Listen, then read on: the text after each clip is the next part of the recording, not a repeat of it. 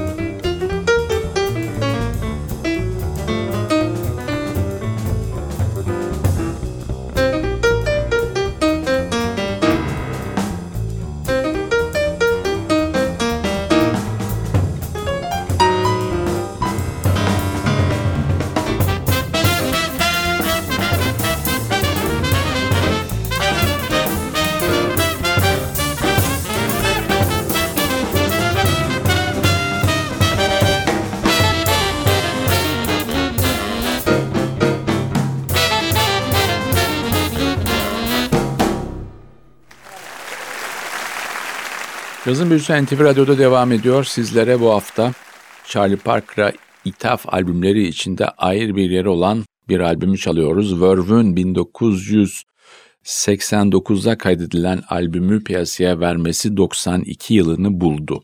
Albümün fikir babası Ron Carter'la Don Sickler.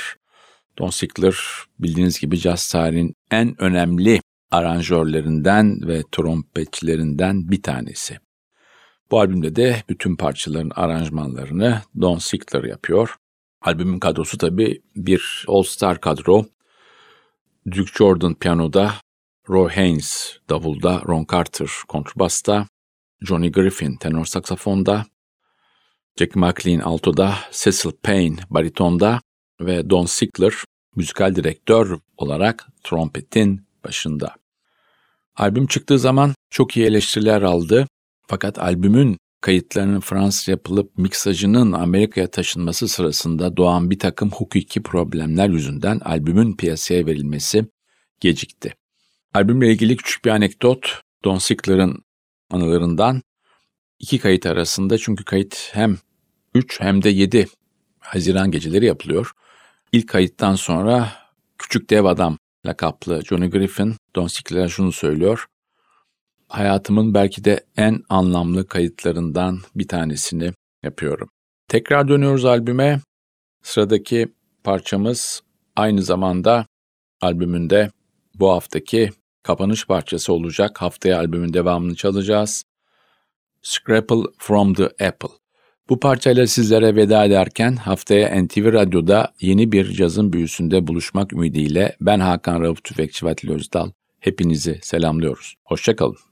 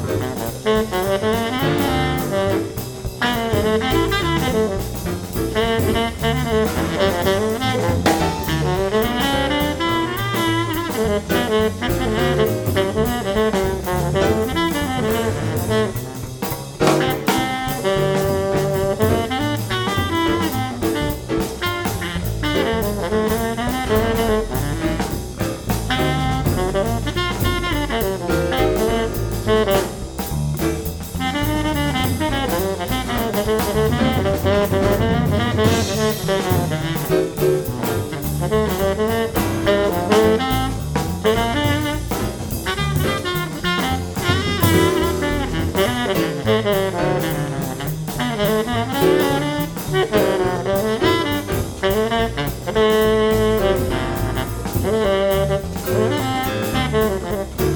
you.